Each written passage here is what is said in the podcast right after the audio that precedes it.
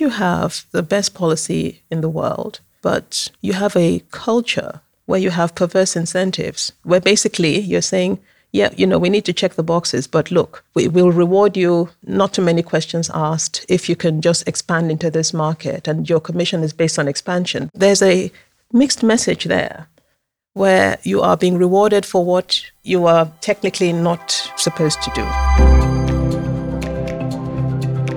Welcome to Compliance Adviseert.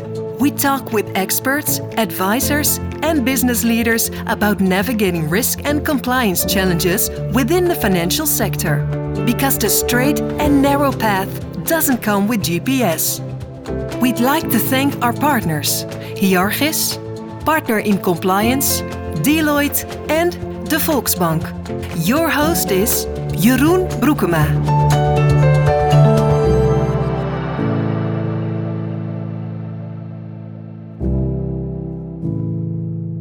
Welcome, listeners, to a new episode of Compliance Adviseert, this time with Abiola Makinwa. Welcome, Abiola. Thank you for having me. Yeah, I'm very glad you're here. Um, we will talk about corruption, the law, compliance, and about your educational uh, programs. Uh, Abiola is an academic and a principal lecturer at the Hague University of Applied Sciences, as well as the creator of Integrity Digital Learning module. As I said, uh, Abiola, I'm really glad you're here. A very, very wel- warm welcome and uh, we have a lot of a lot of things I want to discuss with you. But first of all, can you tell me a little bit about your own background? Well, I'm Nigerian Dutch, and for people who in, in the anti-corruption space who follow the indexes, when I say Nigeria, they say, "Ah, okay." in terms of where we stand on those indexes, it's a challenge and it's a it's a big issue in Nigeria. I've had a very multicultural background. I was born in Moscow, in the US, former USSR. My parents were diplomats. I um, lived everywhere and um, finally went to uh, the final years of my secondary school and university in Nigeria. So I have a, a very lived experience of the realities of what corruption does, how it can completely decimate um, an economy, and more importantly, how it can kill the hope in younger people. Um, I came to the Netherlands for personal reasons. My husband is a professor at the TU Delft, and I got involved in research and academia again. And then I had the opportunity to write a PhD. One of the things that was new at that time was the United Nations Convention Against Corruption. Now, the, normally that wouldn't have said anything to me because coming from my space, my background, I have very, I had very little faith in state based strategies to fight corruption because the problem is the state itself. So when the, the fox that is supposed to be guarding the chicken coop is itself compromised, the whole system is completely ineffective. So that was my background. And I actually, to be honest, I didn't even like talking about corruption. I felt, you know, um, it was a pointless endeavor because of the way it was all structured. So what changed? Looking for a topic for my PhD, I came across two sections in the United Nations Convention Against Corruption, which focused on the consequences of corruption. And for me, that was revelatory because here they weren't, the, the focus wasn't on who gave the bribe or who took the bribe per se, the, the normal criminal justice perspective. Let's catch them, let's punish them, throw them into jail. We know that doesn't work. So the whole system is flawed. But here the interest, um, the focus was on the resulting transactions. A bribe is always a means to an end. It's never an end in itself. So when you formulate a whole strategy based around the bribe, you lose a very big part of the larger picture. And Article 34 and 35, we're now looking at that larger picture. And that really got my interest. Anyway, so that was the start. I wrote a PhD on private remedies for corruption towards an international framework. And even when I was writing my PhD, I realized that there was going to be a shift. And I thank the Hague Institute for the Internationalization of Law for this future thinking essay they a competition they had, which I took part in. It was fantastic because you were allowed to project three, 30 years in the future and say, look, these are the green shoots, where will they end up? And a lot of a lot of the projections I made actually have become mainstream. I won the competition, which was lovely, but I but I really appreciate them giving me the nudge to think out of the box, even more out of the box than I was. And what occurred to me then, and what has transpired, is that this looking at the consequences and taking that as your takeoff point shifts the way you look at enforcement because then you start going after the transactions. You go you go after the, all the parties to the various transactions. You go to the the resulting transactions. There's a whole chain of transactions.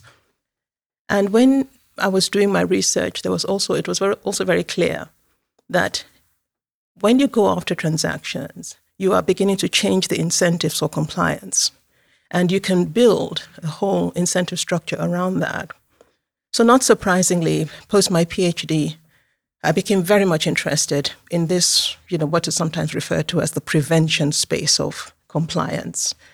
Very much um, derived from the United States practice, but has spread all over the world. And it was clear to me that for this space, we needed a new kind of professional, a professional that was focused more and had the knowledge and the skills to navigate prevention, as opposed to a professional who is more focused on representing people who have, who have already broken the law, you know, which is a traditional legal space that we're used to. So, yes, um, after my PhD, I, I, had the opportunity to um, work at the Hague University of Applied Sciences. I chose it for practical reasons. It was near my house, it was in English, and also I would have a lot of freedom to create a teaching module that was based on my, my research. Immediately, I set up multinationals and corruption, which was primarily anti bribery compliance focused. And um, very, very quickly, we added AML, anti money laundering, and then we added data protection and privacy. And now, some 10 years later, we have the compliance minor, which is now seven years old. And um, the students uh, come in into my classes with the same skepticism that I I did. Exactly the same as you had at the time. Exactly the same as I had. And the question is, you know, they come in and I I can see it. The question they have for me, or you know, expressly or implicitly, is what on earth is this woman going to say that is going to change anything? Is they kind of thinking it's for idealists or something? They think there's no point that you know the state is the one in charge of enforcing corruption. And if you come, a lot of my students come from Eastern Europe, um, from Africa, so their lived experience is that, all right, we're going to do this compliance course because, yeah, compliance is, is in, but they haven't, but they don't believe that there's actually anything structurally can, that can be done. So when I start explaining the new regulatory landscape, which is very much in the prevention space, they begin to sit up. When I tell them that, you know, in this space, it's a public private cooperation uh, to provide security. They say, what does that mean? I said, it means that the state is no longer, does no, no longer holds a monopoly on enforcement. It means that incentives are created to encourage corporations out of self interest to behave in certain ways. And those ways are good for the society. And they say, what, what ways are those? and I said, well, companies now have to voluntarily disclose incidents of corruption that they themselves have discovered, that the authorities may never have found out about. And um, based on that, and based on the steps they take to remediate, based on the steps they take to show that they actually did all they could do to make sure that that did not happen in the first place, you know, hard and soft controls and so on. Based on that, then there's an opportunity to negotiate penalty. And they say, really? Why would anyone self report? How does that make any sense? I said, Well, it makes sense if you think of a corporation that has two, three, four hundred agents all over the world. Even with the best of um, experts and employees, it's very hard to predict what every single agent every, in every country is going to do, especially in the circumstances of a lot of the emerging markets, which are in very difficult and challenging places to do business. So when you shift the risk profile and say, all right, we understand your issues, and we, but you have to tell us that you're doing all that you can do and show us and be able to prove that, then we're going to take a pragmatic approach to this because we do want our businesses to grow. We do want there to be a, um, a an incentive to to continue to do business, continue to grow all our economies, uh, and at the same time, we can't uh, allow white collar crime to go unchecked because of the larger picture, the devastating uh, effects it has on political, economic, and social progress. So it was really a, having to thread a very fine line through the needle, re- requiring a smarter kind of enforcement than the traditional criminal processes. And, and, and that's what, what, what has now happened. So the incentive landscape, the incentive framework has changed in a way that is also useful for corporations because you have a better insight into your operations, etc., etc. Free, free and fair competition is on a level playing field is what everybody needs to be able to do good business. So here we here we are in a new landscape where companies themselves take the um, uh, the steering wheel, and they have to put in place a process. And we're not talking about one isolated. This is systemic. They have to put a, put in place a process where they themselves can discover, etc., etc., acts of corruption. And this is really what has led to the explosion in the compliance industry. As the American practices have spread across the globe, we had the UK Bribery Act and then subsequently the Deferred Prosecution Agreements uh, framework. And then we had the Sapin II in France in 2016. And the Netherlands is currently reviewing its own um, uh, policies in this regard. So this is all relatively a, a new phenomenon in, in terms of the fact that more and more countries are getting on board with it. Why are they getting on board with it? And I think this is the key thing. The only way to really appreciate the changes we've had and the effect of what we of these changes is to have a kind of before and after look. When we talk about anti-corruption enforcement, we can very much look at the beautiful laws we had for, for, for decades and compare that to the amount of enforcement activity there was in that space with all these beautifully carved criminal prohibitions. Not much. You can look at all the reports, very little enforcement activity. And now, every day we're hearing about a new settlement, a new case, a new this, and there's more information about who, why, how, because companies are coming forward themselves with hard evidence to show the what's, the how, the who, who can you put in jail, and so on and so forth. So there is an explosion of activity in the enforcement space. What has happened? The incentives have changed. From my perspective, now you, this is a very long answer to no, your question. I love it. I love it. It's yeah. fantastic. Please just, keep I'm, going. I'm just going to go back to the skepticism. Yes, yes, to the skepticism. Yeah. This is what um, gave me hope as a Nigerian coming from a system that is compromised, where there's, there's a lot of potential in Nigeria. It's an amazing country, the economy, etc. You know, it's like the things we would be able to do if we could find a way to overcome the challenge of corruption in our society. So, reading and looking and working in this space gives me a lot of hope because you see that when you change the arrangement of these are the same players these are the same companies that have been you know engaged in all sorts of business you know practices. Why should things be different now? The same players same governments and everything but we've changed the enforcement landscape which increases the risk and in such a way that companies out of self-interest this is not that they haven't suddenly caught religion or anything uh, out of self-interest are choosing to voluntarily disclose, self police, self report, put in place hard and soft controls to prevent acts of corruption from, from occurring, remediating, and setting up a whole compliance iterative cycle of uh, risk identification, risk management, risk mitigation, risk assessment, risk evaluation. And that is an iterative cycle, which means you need a compliance department. It's not a one off thing. And guess what? This whole process spreads like an olievlek throughout their supply chain. This is a new form of governance that can reach, um, you know, every employee. This is our code of conduct. This is what we do. These are our rules in a way that our criminal code or our, even our constitution is so far removed from these individuals whose individual choices uh, affect, you know, the, you know, how the economy uh, develops socially, economically, politically. So that's really why I'm really very excited it's about really, this. It's great. Um, indeed, it's a long answer, but it gives a, a lot of different, a lot of different segues. We can, you know, different path we can we can walk um, uh, during this conversation. Um, very many things I love to ask follow up questions on.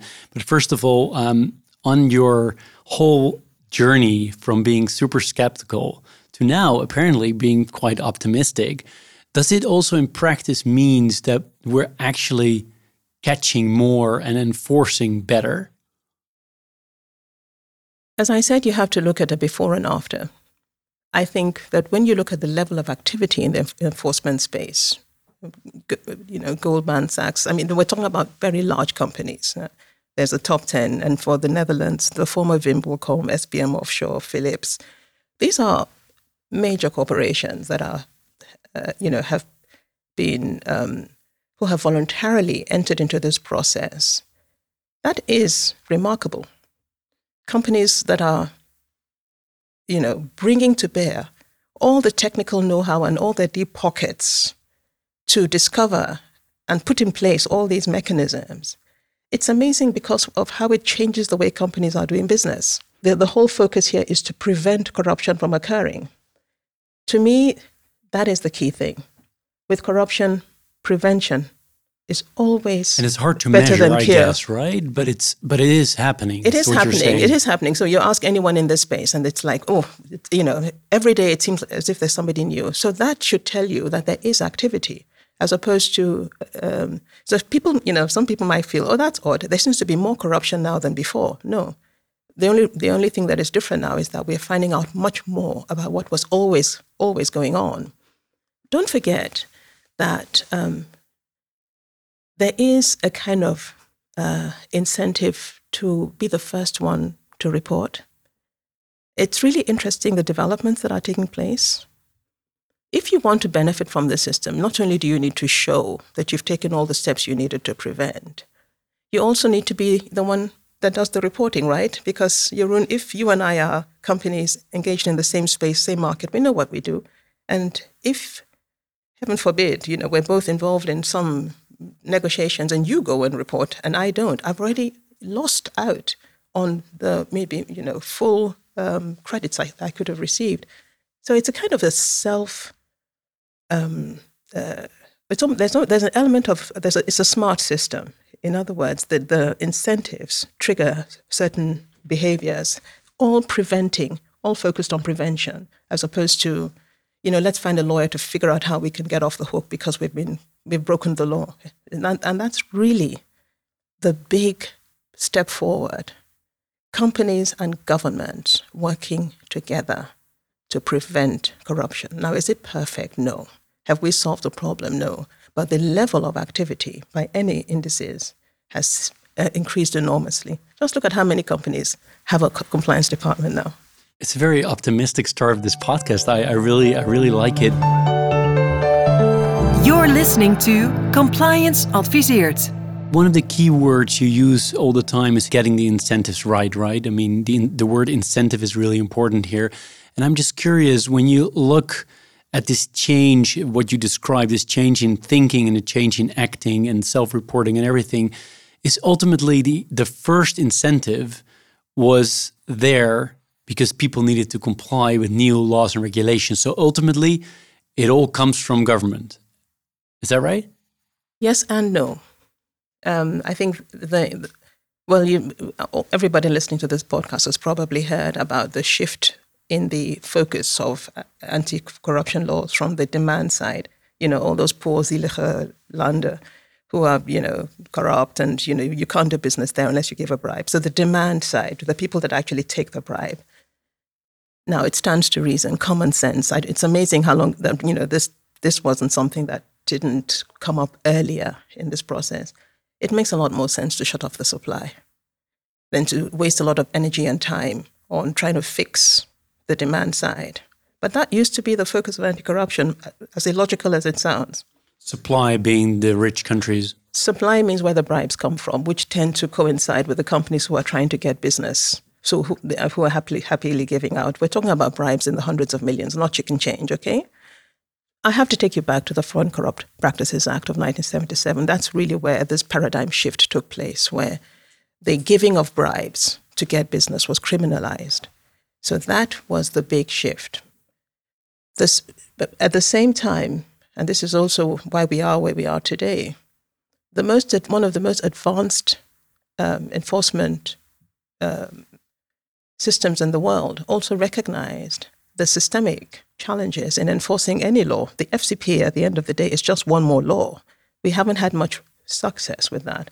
So what, what they did, which I found very important, was that they, the, the way they tackle white collar crime has been very responsive to the needs of the market and in, in a way that doesn't give up on fighting white collar crime, but um, makes the chances of overcoming the systemic issues greater. Now, what are these systemic issues? One, a big systemic issue is information asymmetry.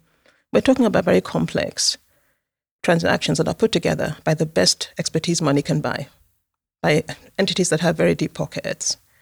And to be honest, um, well, now with data analytics, things are changing. But imagine 1977, unless um, the chances that you would actually find out were very slim, or you know, uh, so uh, governments were handicapped you can have a beautiful law, but if you can't enforce it, what can you do? So, how are you going to get this information?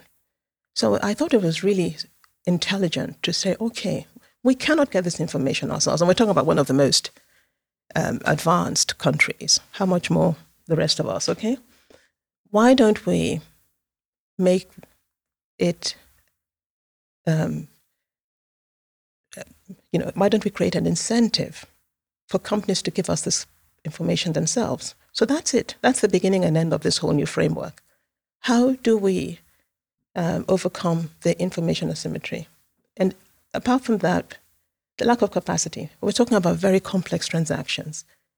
Very few enforcement agencies have the kind of forensic and other capacity to, to, to meet, to get the evidence you need to meet the criminal burden of proof beyond reasonable doubt for, for transactions that, you know, only the most expert of eyes will be able to figure out what is actually going on. And another thing, of course, is the lack of political will. How does this solve that? The FCPA and its progeny, you know, it's been adopted, make all have long arm jurisdiction. So minimum contacts of any company, so Jeroen and Co. Uh, is your multinational corporation operating across the globe, the FCPA style jurisdiction means that all those um, countries where you have any contacts, and believe me, even it, might just be an email, all right? So this is this is interpreted very liberally. All have um, jurisdiction, and suddenly you have no place to hide. Traditionally, our governments would protect their companies, and that was that meant you could have the politicians, etc., in your pocket, you know, network, all boys network, no, no political will, no interest. I mean, why would you? I mean, you could declare your bribes as tax deductibles. There was simply no interest. When you take that away? And suddenly, anybody, France, the UK, um, the US, can go after your companies. They can all go at the same time if they want. Suddenly, it's a different proposition.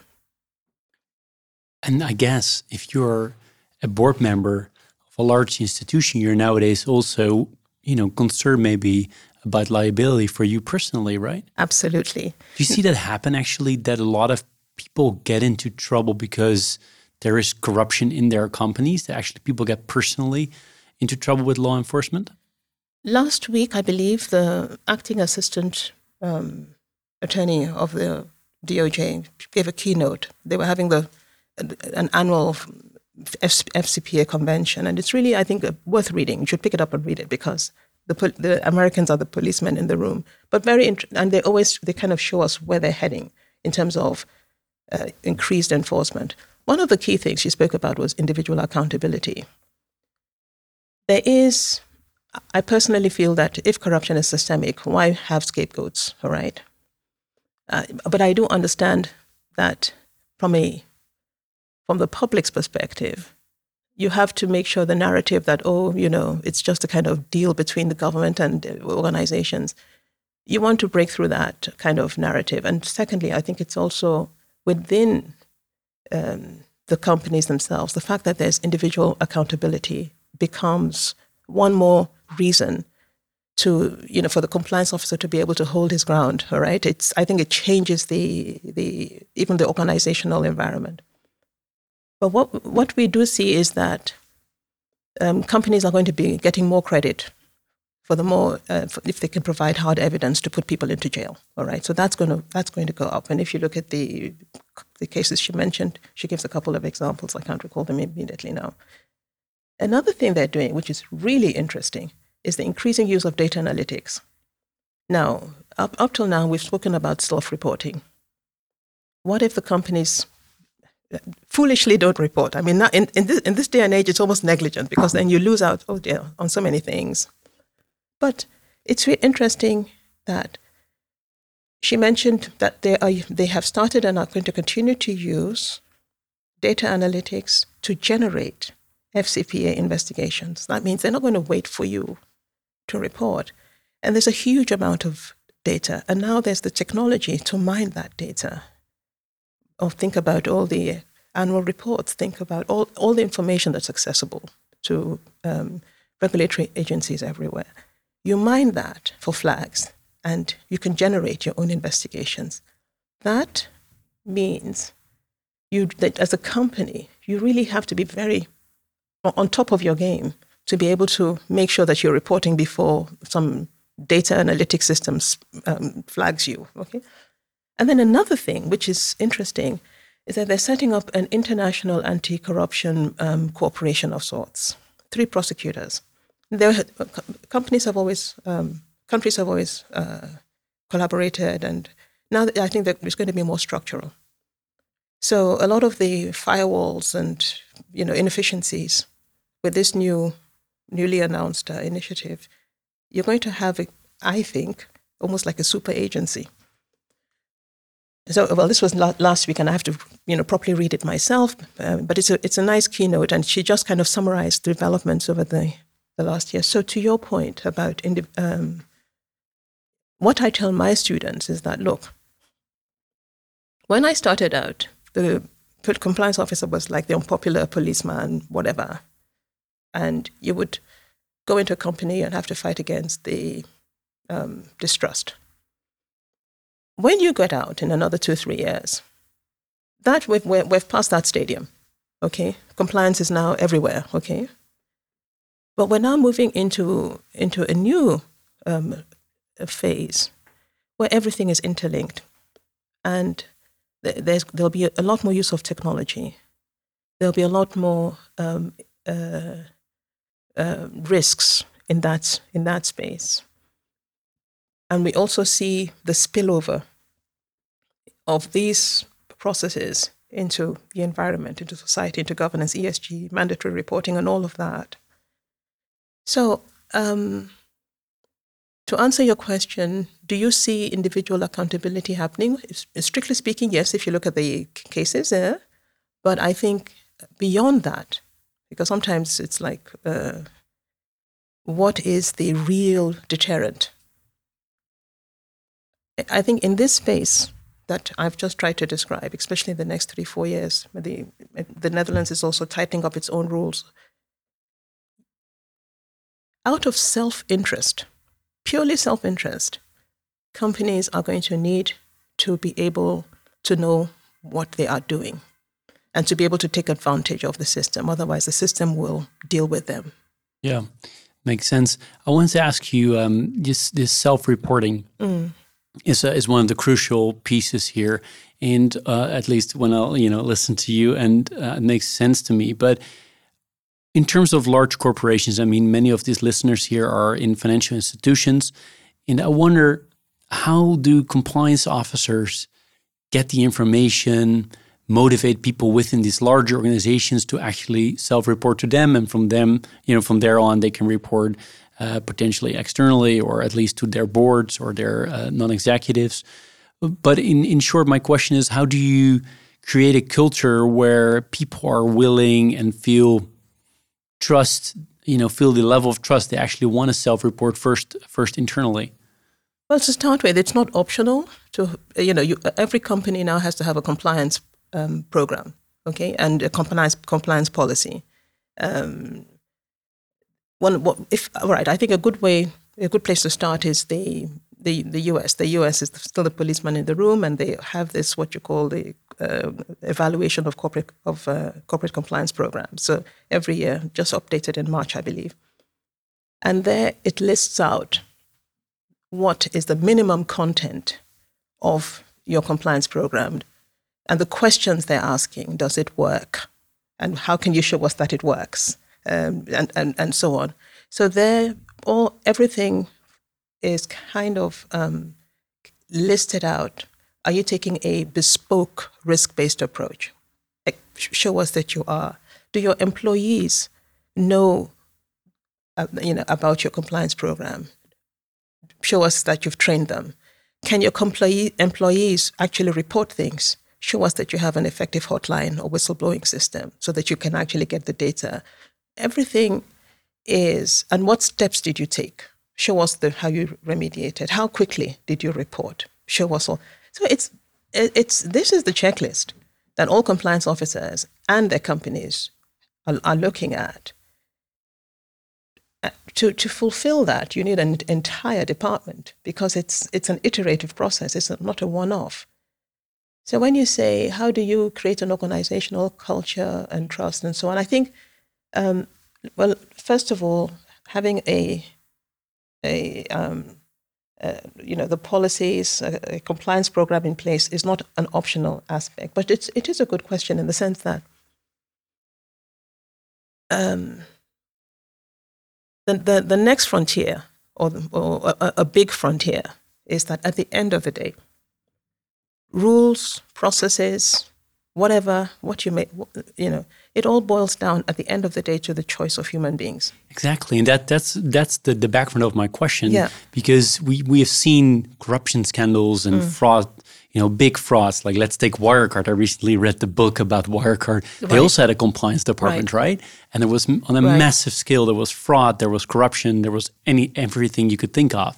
And there are many cases where there still is corruption, although there is, uh, you know, a serious uh, uh, compliance department. So there's there's this, this, this tension where I'm, you know, thinking about like what can you do to create this? Because ultimately, to me, but maybe you correct me if I'm wrong, mm. you also need a culture around it, right? That people are they feel good about doing this. Not so much feeling good about as, as feeling safe. All right, so safe, and, you know, as a professional, that you have to do it. well, um, so I think it's a really important point. So it, everything boils down to choices made by human beings. So the behavioral aspects of compliance are now becoming, you know, again, getting more and more attention. Because on, if you have the, the best policy in the world, but you have a culture where you have perverse incentives, where basically you're saying, yeah, you know, we need to check the boxes, but look, we will reward you not too many questions asked if you can just expand into this market and your commission is based on expansion. There's a, there's a mixed message there where you are being rewarded for what you are technically not, you know, supposed to do. So the environment ultimately decides what will happen. We need the rules. For, you know, that, that is the baseline. But the environment is ultimately what determines and the what choices. can you do to create that good environment? Now, there's a lot of stuff going on now in the ethics space, in the um, in, in behavioral ethics space. You know, we talk about training, we talk about safe lines, and so on and so forth. I think ultimately, you need to change the way people think, and I think that is a process. It's hard, right? It is hard. I am a firm believer in education. You know, as I say, I start with very skeptical students. And by the time they're done, you see the lights go on and you can see them saying, you know, this could actually work.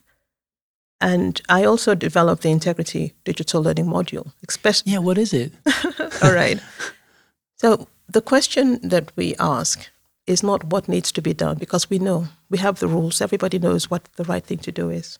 The question is not that. The question is when you know what the right thing to do is, how do you get it done? And that's where there's a gap in, in our curricula. That, you know, so you can teach them the rules, but how do you actually prepare them for the realities of implementing those rules? So I used the work of Mary Gentile. I, I came across a book, a beautiful book, uh, Giving Voice to Values, and she asks precisely that question. It's not about what is good or what is right. We all know what that is, okay? Um, we have the rules, the rules are clear. But she starts off from that point. You know what the right thing to do is. How do you get it done? And what she does is to set up this whole scaffold. It's a kind of pedagogy of how you can equip, develop the skills. And there's a whole process um, to, to, to move from I'm not going to do anything and you know get, getting fired. There's a whole spectrum. And that spectrum is what she's built this pedagogy on.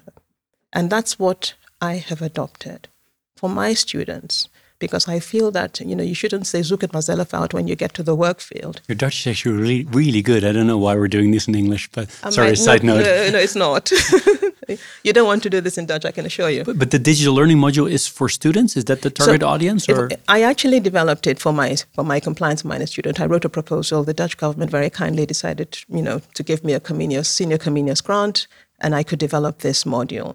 The focus of the module is to build, first of all, awareness of your personal integrity framework. I spoke about Mary Gentile, but I'm dealing with undergrads. So I start a step earlier than where she starts from. I want my students to examine their own essence. You know, who am I as a human being? What do I stand for? What impact do I want to have in my personal and professional life? And to have thought about these things before they enter the work field because evidence shows studies show that most of us, when there, there is a gap between our cognitive decision making and our, you know, uh, our, our, you know, when we actually make decisions, so that we often think that it's a cognitive process, but we've actually made the decision, and then we just, because of the way we feel, the way we, you know, a whole lot of factors come into play, and so there's a gap between the cognitive process and the acting process. And in, in, in, that gap, it's really interesting. There's some, I'm not a moral psychologist, but it's really interesting that if you um, help individuals um, create a moral identity by having uh, an, a good idea of who they are, by, by making commitments to themselves, by giving themselves moral reference points, they have a different baseline from which they operate. So what do my students do? In the, in the Integrity Digital, Digital Learning module, there are two aspects. The first part is this, what I've described, we call it integrity awareness. At the end of it, students can say, they, they, they can say what their values are. They've created a, they've, they have interacted with those values. They've created a hierarchy of their values. They've created a postal code of conduct. And you know, the students who have done this really enjoy doing this because they're young. You know, the, the younger you go, the more you can um, uh, open windows. And once those windows are opened and or plant a seed, it's amazing. You know, you don't know how it's going to bear fruit. So anyway, they have a better awareness of who they are and the kind of impact and that they want to have in the future. And they have they have a nice toolkit that they can refer back to. And more importantly, it's fun. It's, it's a digital module because you need privacy. You need to be able to be honest with yourself. So that's why it was digital. And then they move into the second part, which is the, based on Mary Gentile's work. Now that you know what your values are, how do you give voice to them when you're com- uh, confronted with an ethical challenge? This is Compliance Adviseert. Are you using this module only for students, or are you also oh, using oh, it, it, in companies? It, it, kind of went viral. It's free. oh, so, every, so it's so, used so everywhere. It's used, and it's under a what you call it common common creative license. So you can use it so long as you credit where it came from, and it's uh, you know it's free. That was the idea. So it's used by corporates now. Well, I have given workshops to corporates, and um, I have been approached by people who say, Can we use it? I don't want to name names. And I say, Sure, anyone can use it. It was designed, and if you go to the module, it is designed for undergrads. And I'm, I do hope to create a more business like version. So I really um, get students enter into this world of a, of, a, of a protagonist called Soraya, and they learn about how to give voice to values by following Soraya as she goes through rationalizations and dilemmas and so on. So you're learning by experiencing. And so, but it's really focused. Great. I think we should find a couple of financial institutions to help you create a version that could be used in financial services. That I mean, would, that would I be mean, lovely. I haven't seen it, but it sounds uh, it sounds really good. Um, I wanted to talk with you about your students because you said Yeah. you started this program seven years ago. So Yeah. how many students have 10 you years ago. seen? Uh, Ten years even. Yeah. Um, so how many students have now Oh my goodness been part of your program? Well, we, we have a register. The compliance minor started officially seven years ago. And um, so, so a lot of my students are now like middle management, moving up to the ones that graduated early. Uh, we have a, a registration of 50 students a year. It's not that many. No, but still a lot of people. And do uh, many, or do some, or not at all, uh, move into financial services? A lot of students end up in uh, K1, you know, the typical entry level, because uh, this is a HBO instelling. So we are training professionals, entry level professionals for the workplace. So they're the kind of jobs they get KYC officers, privacy officers, com- junior compliance officers, they work in trust offices. Yes, qu- quite a number work in going, going to the financial services, Do you keep in touch with them? Some of them? many, many of them Really? on LinkedIn. And it's, That's it's, lo- it's lovely to see them just, you know, rising up in the ranks. And do some actually go into academia with you?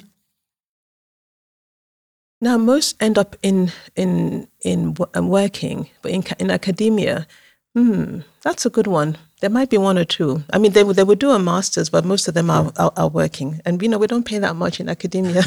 so if you can work in the commercial sector, you know it's quite, it, yeah. That must be fun to But see. it's a these- good question. As you said, to see I'll people track. rise uh, within an organization. At some point, you have delivered the next um, chief compliance officer somewhere.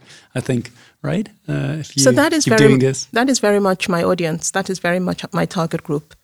Um, educating for the prevention space, and that is simply compliance. And um, I'm very grateful that I was able to do that and can continue doing that at the Hague University of Applied Sciences. That's great because um, I wonder: are there a, a lot of uh, educational uh, possibilities in the Netherlands to do something what you are doing in The Hague? Well, I think there's growing um, interest in educating undergrads for the prevention space. I, um, I, I, was, I mean, I, I do know that a lot of the programs for compliance t- tend to be postgraduate or masters. Um, but it's uh, Transparency International, for example, I think is interested in um, in educating younger minds and uh, in the I think in the last two three years there's been a lot of interest in integrity in education. Transparency International had a study, and other people are doing studies, and um, this is very much focused at the undergrad um, level for research universities and also for HBO instellingen. So there is you were early at the time, and now it's becoming slowly. Because th- Yeah. that's that's um, uh, an interesting thing for my last two questions, at least for, from my end. Because uh, one of it, one of them, as you said earlier, you did at the time you did a couple of projections, and Yeah. you said they all became true. Yeah. Um, uh, well, you started very early on with this education. Now others are doing the same thing. So. That you know, of course, is a, is a good link to ask you about the future, right? Uh, obviously, you're not you're forecasting the weather, but if we are looking a bit longer term, let's say five or 10 years or even further down the line, what, what kind of things um, in the corruption space or the way we think about things or new paradigms do you see arise? data analytics, big time. Um, the use of technologies, uh, regulatory uh, and financial um, technologies, I think are really going to uh, change a lot of things. The way we educate, what we're educating for. Right now, for me, it's the last seminar, right? Looking to the future that we do a little bit, and I realize, my goodness, you know, this may, it's changing so fast in that space. And as I said, with the latest um, information from, from from the United States, where they say they are going to use a lot more data analytics. Then you know that's going to be um, a big point, of, you know, to focus energies in terms of and uh, even educating, having the right programs, master's programs, uh, general programs, uh, and it's going to be interdisciplinary. The compliance space is not a law space per se; it's very interdisciplinary. I think it's going to become even more so to be able to navigate it effectively. We, we are still quite siloed in our education system, so there, there's still some work to be done there to actually have curricula that are fit for purpose. We, I think we have to be a lot more deliberate about uh, curriculum development in this space and also in general. Um, uh, for white collar crime, it, it's it's moved. It's no longer in one person's but portmanteau, you know. And another thing that I think is um, obviously unfolding as we speak is ESG. It's still early days, and I think you know people are still trying to figure out what the standards are, what they should look like. But as we move into um, the implementation of these um, mandatory reporting processes, I think it's going to either become a, a subspecialty, but it's all very much in the prevention space, isn't it? So we're still the prevention space is what is expanding. The punishment space is what is shrinking. So that's so that's going to be something else. And I think another big thing is going to be behavioral ethics. Um, again, maybe that will become a specialty on its own within the compliance world training, um, developing safe spaces in organizations. Because if you can't get the information because of whatever culture you have, you're actually you're running a race with your hands tied behind your back. The best um, system, the best companies are those that actually can leverage their employees to get the information that they need. And that means you need to have effective whistleblower systems. And you have to have um, it's set up in such a way that there is trust. Not, you know, trust in the sense that not only are reports made, reports are acted upon, and there's no retaliation. Because I always say people will always believe what they see, not what they are told. So I can't just believe what I've seen. If you see how your colleagues are treated, that is a profound message. But for to leverage the totality of the enforcement landscape and all the all the green shoots that we see emerging and the use of data analytics is going to be big. So I think even this option, you, you'll find that some things are no longer that optional anymore there's a caveat to this, and I have to say the caveat later, but let me not forget. But I think for companies to leverage that space, they need to have they need to be organizations. They need to be organizations where they have sorted out the organizational culture and integrity thing. It, I think the two go hand in hand. Now, what's my caveat? Yeah, I was going to ask. um, the, I think the vulner- big vulnerability of the system is the fact that the driver is and remains the United States. Yes, other co- countries have adopted, you know, similar uh, processes, but the truth of the matter is that politics determines direction. And I must confess, you know, when Trump was elected, I said, okay, now that's going to be interesting for the anti-corruption field uh, because uh, of his views on the FCPA, etc. Will the anti-corruption structures be robust enough, and so on? And well, you know, we've seen what has happened since then. The, the, since then, the anti-corruption structures were not dismantled, so they were robust to, to some degree. But I can imagine that if uh, the political um, framework there had remained, or, you know, we would have seen, I, I believe, we would have seen a continuous de- decline in enforcement. So, um, so also yeah. on a geopolitical level, you need leadership. That's clear, and you need a player that can actually has the power to enforce, or not necessarily enforce anti-corruption, but also enforce new regulation and drive new regulation and legislation, and to keep focusing on that topic. And if you don't have that, and you have too many countries that are you know, undermining the whole effort, then it's going to be hard. In my own words, you, you, I think you gave uh, four great pointers for. Okay. The, I mean, four great directions, uh, potential directions into the future, with the caveat of, you know, the geopolitics, um, the geopolitical situation in the world, and specifically on the on the U.S. being a driving force. I mean, these are my words, but I try to somewhat summarize what you just said. Um, last question from my side is. Um, We've asked every guest on this podcast always the same question in the end, which is um, do you have tips for people that start a career now in compliance? And given you work every day with people that start a career, you know, either after your course or, or directly after a bit later, um, do you have particular tips for them if they started working compliance? I think you have to know who you are. You know, if in any profession, if it's important anywhere, you have to be able to hold your own and not be afraid to stick your head above, you know, the, to stick your head out. And I think you should be able to do this for, you know, not just because, you know, it's the right thing to do, but because you owe it to your company. You'd have no business being a, a compliance officer unless you can, you can actually do the job. And doing the job is to protect your company. And, you know, just as you went to, when you want to bring up a child, you don't bring up a child by giving it sweets all the time. You have to be consistent, you have to be clear, you have to provide a framework that is safe for the child to operate. And that is the work of the compliance officer. And you cannot do that unless you have a stiff spine. Wow. That's a that's a great um, great end of the uh, end of podcast. Um, Abiola, uh, I'm very thankful for for us uh, listeners to to have you on the show. It's really, really great. You've covered a lot of things. I only needed to ask a couple of questions, and you came up with so many great answers and, and thinking uh, on this topic. I think we could have been speaking for hours. So maybe you should at some point come back for the second episode because there's so many more things we could uh, we could cover. Uh, for now, I want to uh, thank you very much for taking the time. I'm pointing to it now, but we have a small present for you. Our listeners cannot see it, but to thank you for that time. Um, and also, I'm, I'm going to ask you to help me with creating some of the show notes, some of the links to the things you have mentioned uh, during this conversation. But again, for now, thank you so much for taking the time. Well, thank you so much for having me, Jeroen, and also for you know the compliance podcast. It's interesting, and I think it's a great service to everyone in the compliance industry to be able to listen to these things. It's very helpful. So, good luck with the rest, with you know, with the podcast, and thank you for having me. Thank you so much.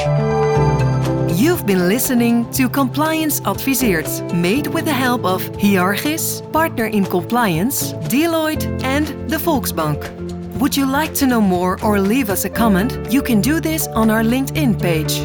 If you follow us there, we'll keep you up to date with our new episodes. We'd be grateful if you could leave a review and tell others about this podcast. Also, don't forget to check out the other podcasts on our channel. There's bound to be something for you.